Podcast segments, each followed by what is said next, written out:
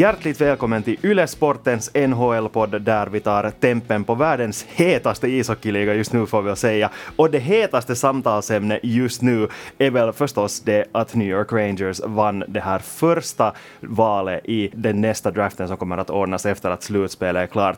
Med er har ni mig, Mattias Simonsen och vår NHL-kolumnist Anders Nordensvan. Anders, hur reagerar du på det här att det är New York Rangers som får välja först?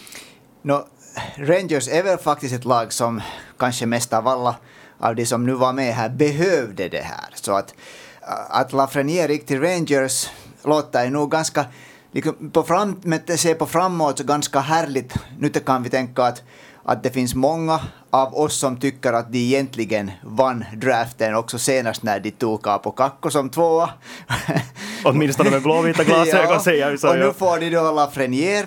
Och så är det så att Alex Lafreniere är i princip en vänsterforward medan Capo Kakko är i princip en högerforward. Så det här tycker jag att verkar ganska intressant. Ja, det låter faktiskt bra ur så här finländskt perspektiv. Men samtidigt så känns det ju lite sådär som att Lafreniere ändå är en sån här som har hypats ändå mycket mer än vad Capo Kakko till exempel hypades i fjol, så det skulle kanske inte överraska heller om de genast sätter in honom i första kedjan. Förstås, det, det, det såg vi redan från Rangers i fjol, att de är inte det laget som ger unga killar chansen direkt utan att de ska bevisa vad de går för först. Så Lafreniere måste ju faktiskt visa också att han ska kunna platsa i den första kedjan. Men jag tror ändå att han skulle kunna spela där tillsammans med Zibanejad och Antemi Panarin. Men NHLs slutspel där var lag som faktiskt är bra just nu pågår som bäst. Eh, nu vet vi exakt vilka lag som spelar i den här första slutspelsomgången och ett av de här lagen så det är Columbus Blue Jackets. Tack vare vem Anders?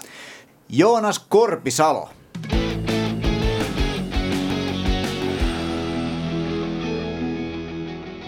Jonas Korpisalo, alltså startande målvakt, nu igen startande målvakt för Columbus Blue Jackets. Han inledde slutspelet genom att få axla ansvaret som första målvakt, höll genast nollan mot Toronto. Efter det förlorade de den här match nummer två. Han startade igen i match nummer tre, fick en dålig start där. Han blev utbytt mot Elvis Mertzlikins. Och sen fick den här lettländaren starta match nummer fyra. Han åkte på någon okänd skada inför match nummer fem och vad gör Korpisalo? Kommer in och håller nollan igen.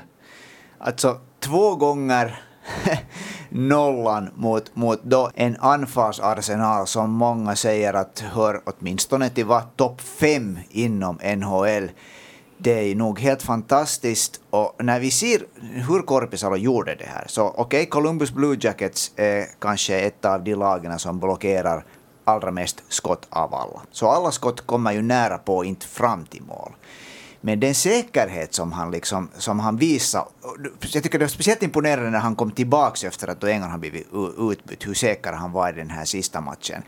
Och han gjorde det egentligen så att de flesta av hans räddningar såg lätta ut och då brukar det ju vara så att målvakten är så att säga verkligen dialed in som de gillar att säga Att han, han, han liksom läser spelet, han bara placerar sig rätt.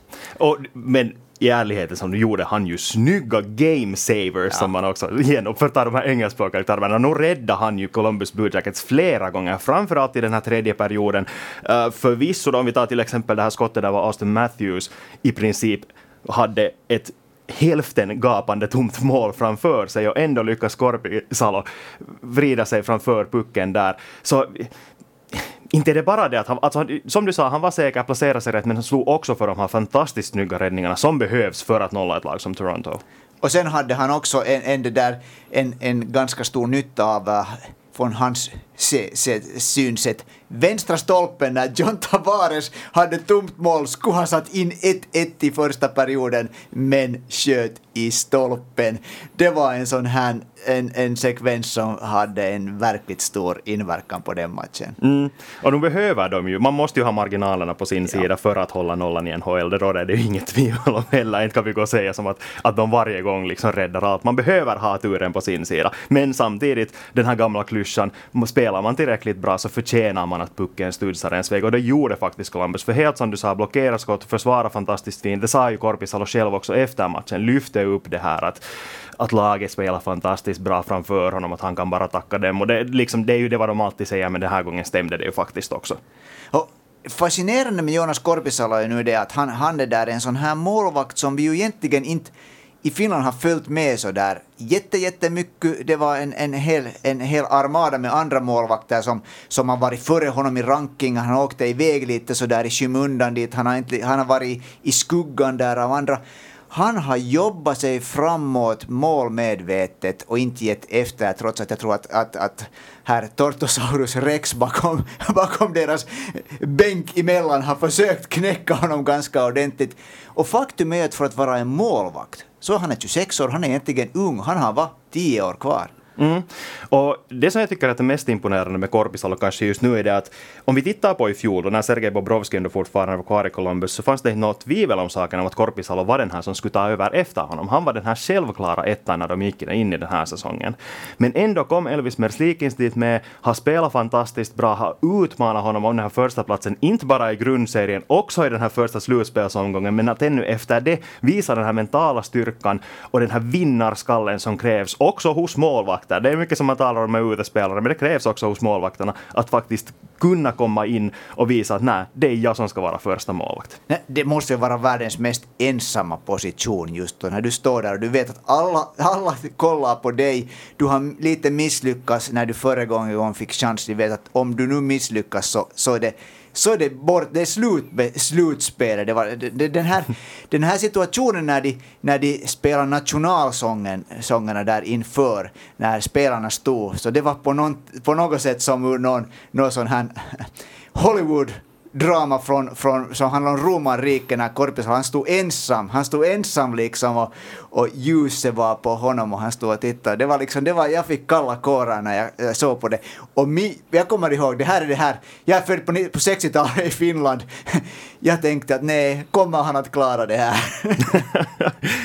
Men nu för att gå tillbaka till det här hur bra hela laget försvarar så tycker jag att det också är ett tecken på att de faktiskt litar på sin målvakt. Och det sa ju Zach Wierenski till exempel efter matchen. Han sa att det här är det vad de förväntar sig i nuläget. Eh, både Korpisal och Merslikins har varit så bra hela säsongen att de vet att de kan lita på målvakten oberoende vem det är som står mellan stolparna. För nu är det ju så att man känner igen på lagen när de, när de verkar spela på ett sätt som att de är nervösa för de vet att målvakten är darrig. Så det påverkar hela lagets spel och det gjorde verkligen inte med Columbus. Och det tror jag att är den största orsaken, eller inte kanske den, den största orsaken, men en stor orsak till att de faktiskt fick Toronto Maple Leafs på fall. Ja, och, och det, där, det här tycker jag, de, de litar på målvakten, de litar på varandra, det är ju liksom den här, den här maskinen kan man väl faktiskt säga att Columbus Blue Jackets är.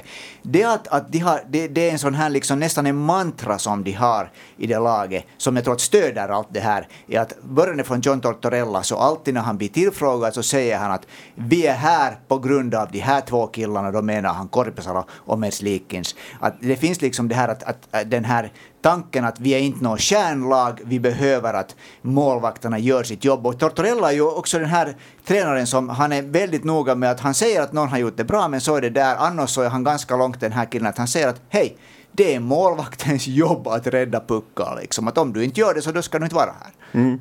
Och på tal om stjärnor så var det någon som genast lyfte fram efter den här segern att Columbus faktiskt gick längre i slutspelet än såväl Artemi Panarin, Sergej Bobrovski som Matt Duchene.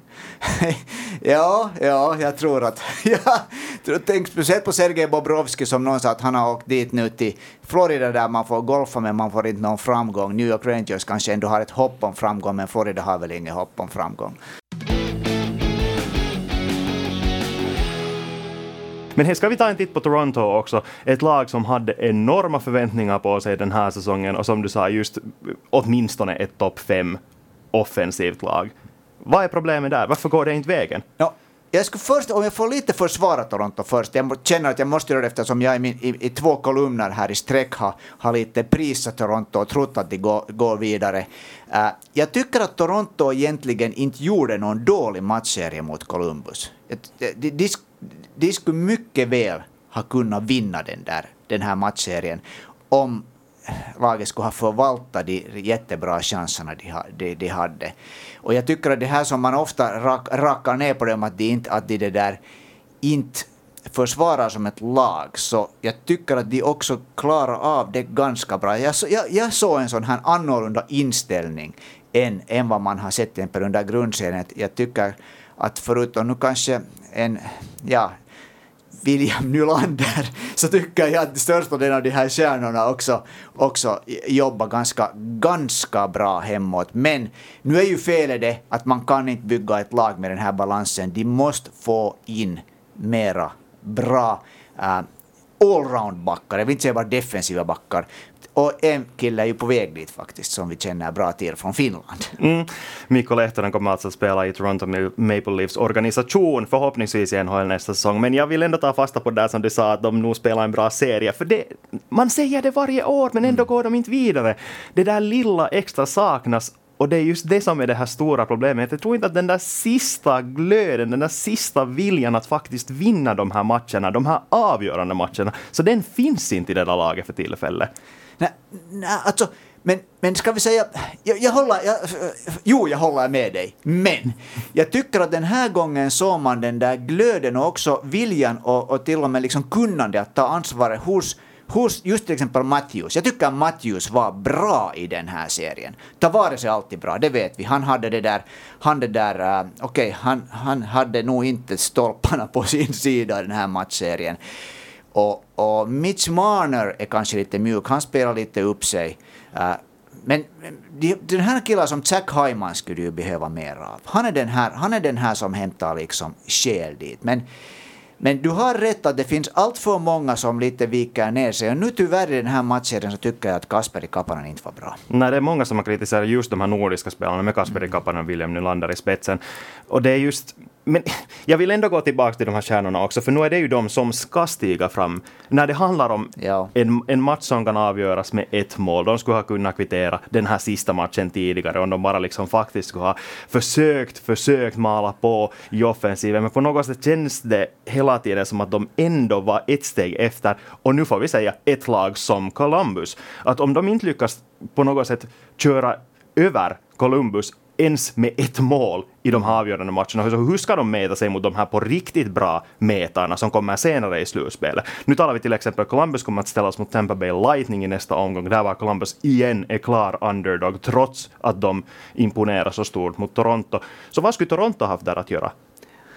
Ja, det, alltså, det, det, är nog det är sant. Och, och, om, du har, om du har 11 miljoner, 12 miljoner i lön som, som, som Tempe Matthews och, och, och vad har mannen har 10 miljoner. Så då finns det ju faktiskt inte några ursäkter mer. Då har du liksom placerat dig själv på, på en sån nivå att, att, att du, du måste inte bara få chanser, inte bara spela bra utan du måste kunna avgöra och göra resultat. Och det är nog det som sist och slutligen skiljer de där verkligt stora superstjärnorna Eh, som är bra också när det riktigt gäller i slutspelet från de spelarna som är jättebra under 82 matcher i grundserien men som har inte, inte alltid kan leverera i slutspelet. Att det steget finns där ännu men jag tycker, jag tycker att speciellt för Austin Matthews så, så det där tycker jag att han visar ett ledarskap som jag, jag blev positivt överraskad av. Men Columbus Blue Jackets ställs alltså nu mot Tampa Bay Lightning i den första slutspelsomgången. En uh, motståndare som många Columbus-fans minns med värme eftersom i fjol så gick det alltså så att Columbus slog ut de största säkert för Stanley Cup-förhandsfavoriterna i mannaminne efter grundserien så slog de ut rakt i fyra matcher. Hur tror du, tror du att det kommer att gå lika bra, den här, lika bra ur Columbus perspektiv det här året? Ja, just det. Om Tampa de hade vunnit 62 av sina 82 grundseriematcher och det här var alltså säsongen 2018-2019. Sånt borde bara inte ske mer, så de var ju skyhöga favoriter. Då var ju kritiken grym efteråt, att det, liksom, det var ju motsvarande till, till Toronto, att det fattades den här sandpappersavdelningen, det fattades tuffheten för att spela slutspelshockey. Och Tampa Bay gjorde ju, man, man, man trädde ju till sig bland annat Pat Maroon, en ganska stor biff som, som kom från St. Louis Blues, just för att få den här fjärde kedjan som kan vara riktigt, riktigt tråkig att, att spela mot. Så att Tampa Bay Lightning är egentligen nu jämfört med vad de var 2019 mera byggt för slutspel än vad de var, vad de var för ett år sedan. Uh, jag tror att, att för mig är Tampa Bay Lightning en en, trots, en, en, klar favorit, trots att Columbus Blue Jackets, hur bra de än är, så tycker jag att Tampa Bay Lightning har mera kvalitet. För mig är den här stora frågan det att om Columbus brände allt krut i den här mm, play-in-omgången. För jag tror att det här laget, om man ser till spelarna som de har, så ska de inte kunna mäta sig mot Tampa Bay Lightning, de borde inte ha kunnat utmana Toronto Maple Leafs heller, men de gjorde det helt på samma sätt som de gjorde mot Tampa Bay i fjol. Och frågan är att har de ännu det i benen att göra det mot Tampa Bay en gång till?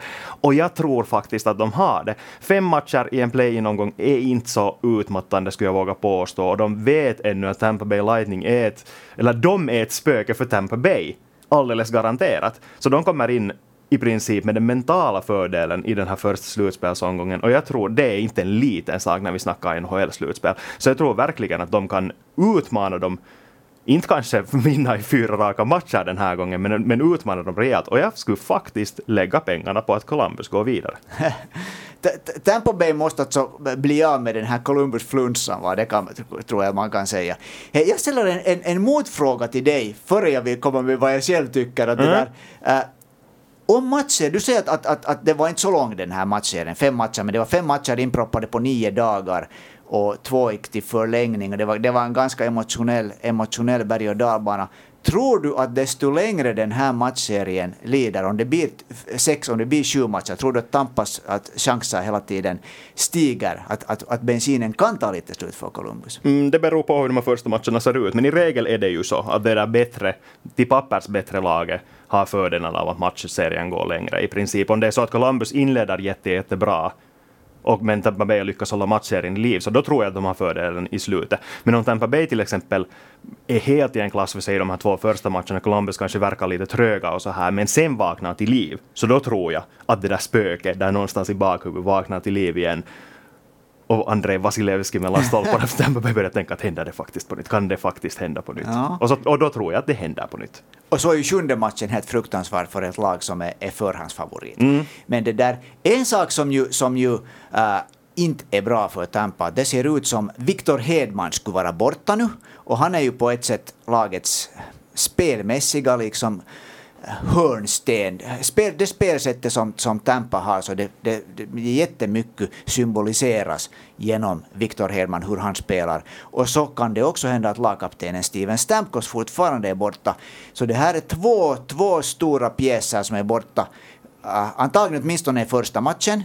Men jag tycker att Tampa har en så hög kvalitet i sitt lag att de ska kunna klara av det här. Så jag har nog, det där, jag har nog tippat att, att Tampa tar hem den här.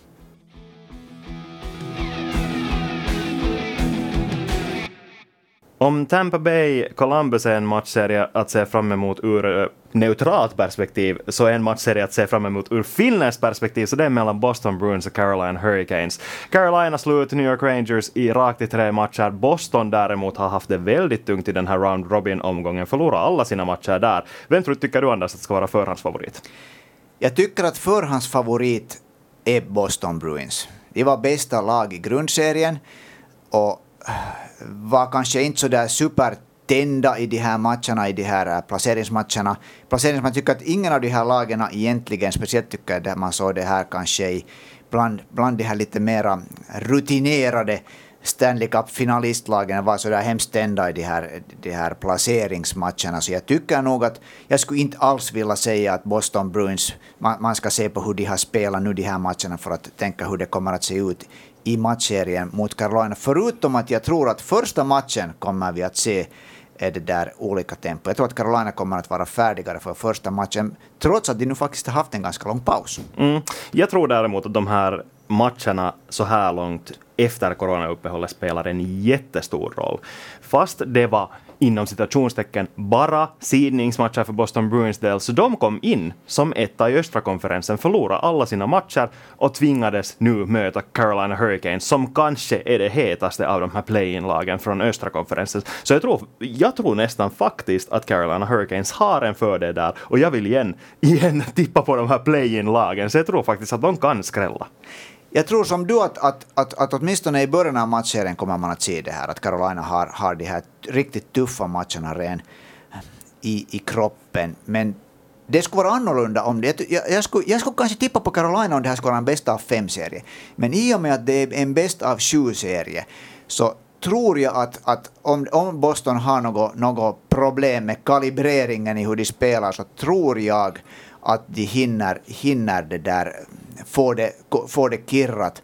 Och att det som vi har sett av Boston under de senaste åren, det är liksom den, den, det spelsättet kommer fram där. Och de har nu, de, där, där är spelare som vet att det här fönstret för att vinna Stanley Cup, det är inte länge mera öppet för den här generationen. Det är öppet nu och jag tycker att de är inte ännu liksom på väg neråt förutom nu kanske Rotsden och Chara. Och så det där, jag skulle, trots att Carolina helt tydligt har, har gått framåt på ett år och kommer, tror jag, att utmana Boston riktigt ordentligt. De förlorade ju 4-0 förra, förra året i konferensfinalen mot Boston. Boston vann alla, alla de svepte Carolina. Det kommer garanterat bli en helt annorlunda matchserie, men jag skulle ändå nog, jag, jag tippar nog ändå att Boston klarar av det det vad du säger just om det här mästerskapsfönstret som man talar om, så det tror jag också att kan vara negativt för Boston, för de vet att helt som du säger, Kara börjar vara i ålderstigen form.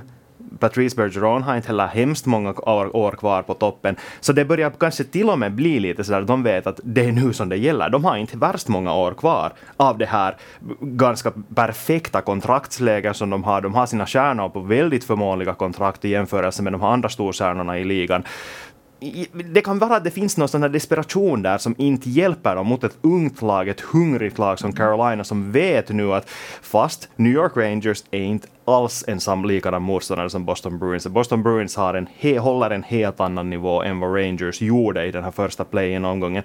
Men ändå tror jag att Carolina med den här första kedjan i spetsen skulle kunna klara av att ut, överraska dem. Men det, samtidigt måste man ju säga att Carolina har ju inte hemskt mycket mer än den här första kedjan. Som med Sebastian Aho, Teo Teravainen och Andrei Svetjnikov i spetsen så måste de faktiskt leverera från kväll till kväll för att Carolina ska kunna gå långt. Ja. Jag lite protesterar mot att det inte, just så att Boston, jag tror att Boston vinner, det blir jättetätt, det är jättetätt tror jag, men det där jag tycker att Carolina har, har reserver som kan blomma ut. Jag tycker att andra kedjan med, med, då, med Nechas, Nechas, hur säger man nu det här, Martin Nechas och Vincent Trocek och sen då Nino Niederreiter kan ta ett steg. Jag tycker det är en kedja som har potential och sen har de en, en, där, en tredje och fjärde kedja som, som på samma sätt kanske lite som Bostons, de här lägre kedjorna, svåra att spela emot och en bra backtrupp så jag tycker att, den här, att, att, att, det där, att det inte är... Eh, jag tror också att första kedjan kommer att spela ett, en jätteviktig roll. Att det laget vars första kedja lyckas bäst går vidare. Men jag tror ändå att det finns ett, ett flankstöd att hämta i Carolina. Det är inte bara liksom allt hänger på hur bra AH och hans killar är. Nej, inte allt, men det avgörande. Mm. Det är det som kommer att vara avgörande, håller jag med om. Jag tror att det faktiskt är, men jag tror mer just nu på Carolinas första kedja än Bostons första kedja. För nu är det, det är ju ändå slutspelsmatcher i princip för Boston också. Nu tävlar de ju om att få en så lätt motståndare i den här första slutspelsomgången som möjligt och att slipa på spelformen i tid till att den här om, första slutspelsomgången ska börja. Och det, de övertygar inte alls.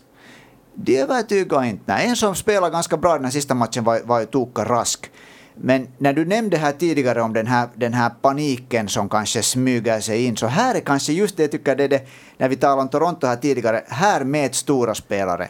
Patrice Bergeron, Brad Mar Marchand, eh, Tuukka Rask, äh, Tori Krug. Är det här killar som när det gäller faktiskt gör resultat. Jag vill tro att de är såna, såna för att på basen av vad man har sett av de här spelarna så är det de stora matchernas spelare.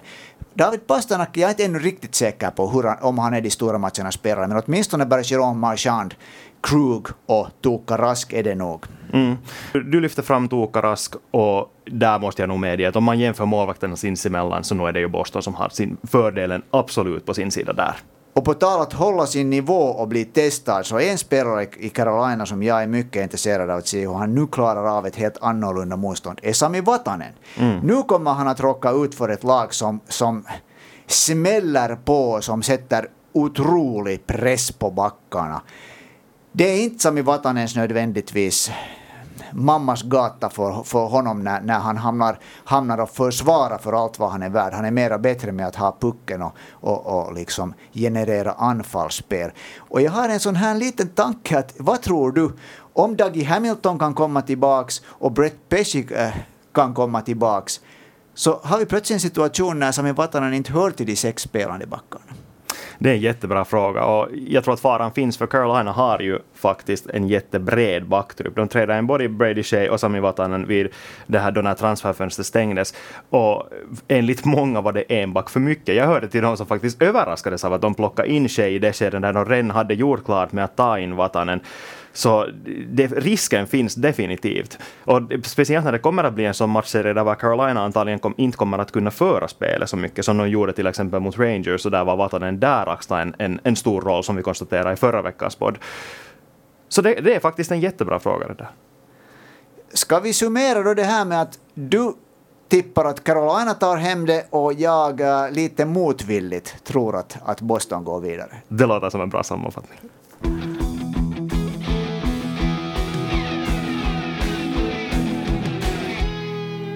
Anders, som jag berättade för dig att Sami Vatanen är den av de aktiva NHL-spelarna som har näst flest poäng i NHL-slutspel. Så vet du då vem som har flest poäng av alla aktiva NHL, finländska NHL-spelare i slutspel? No, eh, jag har för mig att eh, det här leder mot att det måste vara Mikko Koivu. Det är Mikko Koivu och frågan är ju nu, kommer han att vara en aktiv spelare längre? Minnesota åkte ut i slutspel mot Vancouver Canucks och samtidigt tog Mikko Koivus lagkaptenens kontrakt tog slut och nu vet ingen om han tänker fortsätta eller inte. Vad tror du? Tror du att han kommer att stanna i ett NHL och två i Minnesota Wild?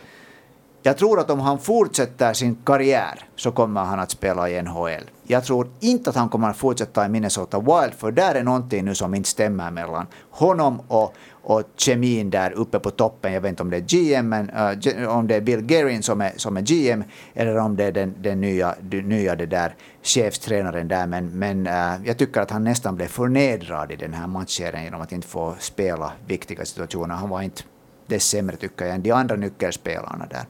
Nej, och jag håller med fullständigt. Jag tror inte till exempel heller att han kommer att göra en comeback i TPS, uh, eh, åtminstone inte ännu. För den stora frågan för mig är det att håller han tillräckligt bra nivå för att kunna söka sig till ett lag där han skulle få den här sista chansen att gå efter en Stanley Cup-titel. Och jag tror faktiskt att han gör det. Han var i praktiken en fjärde center den här säsongen för Minnesota Wild. Som du sa, eh, man kan tycka att det är ett, ett tecken på respektlöshet.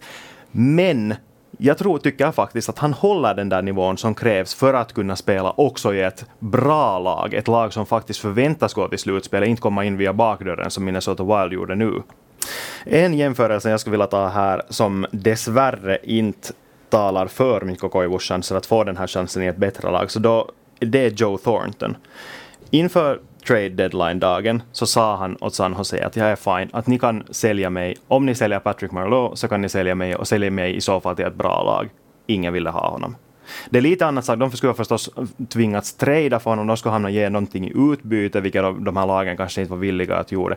Men jag skulle säga att Thornton och Koivu, jag skulle säga att Thornton till och med är bättre än Koivu just nu och ändå fanns det inte lag som ville ha honom. Så finns det då lag som vill plocka in Koivu som alldeles garanterat ändå vill ha ett envägskontrakt, vill ha, no, pengar behöver han kanske inte, men ändå liksom någon roll ens. Inte kommer han ju att gå med på att han tvingas sitta på läktaren en tredjedel av matcherna ens. Nej, det där är en bra fråga och också om man tänker på, på den här nuvarande uh, general manager-generationen eh, uh, som blir yngre hela tiden. Så han är ju en spelare som inte hör till den här trenden för tillfället. Han är en spelare som går emot trenden. Man, man, liksom, man vill inte ha riktigt mera sådana här spelare som, som, om man säger lite elakt, så lite sådana här träbockar. Att man vill ha mera dynamiska spelare.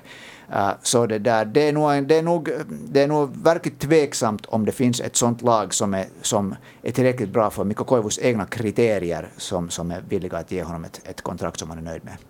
Med det enorma frågetecknet får vi sätta punkt för det här avsnittet av Yle Sportens NHL-podd. Tack för att du lyssnade och vi återvänder igen om en vecka. Tack och hej!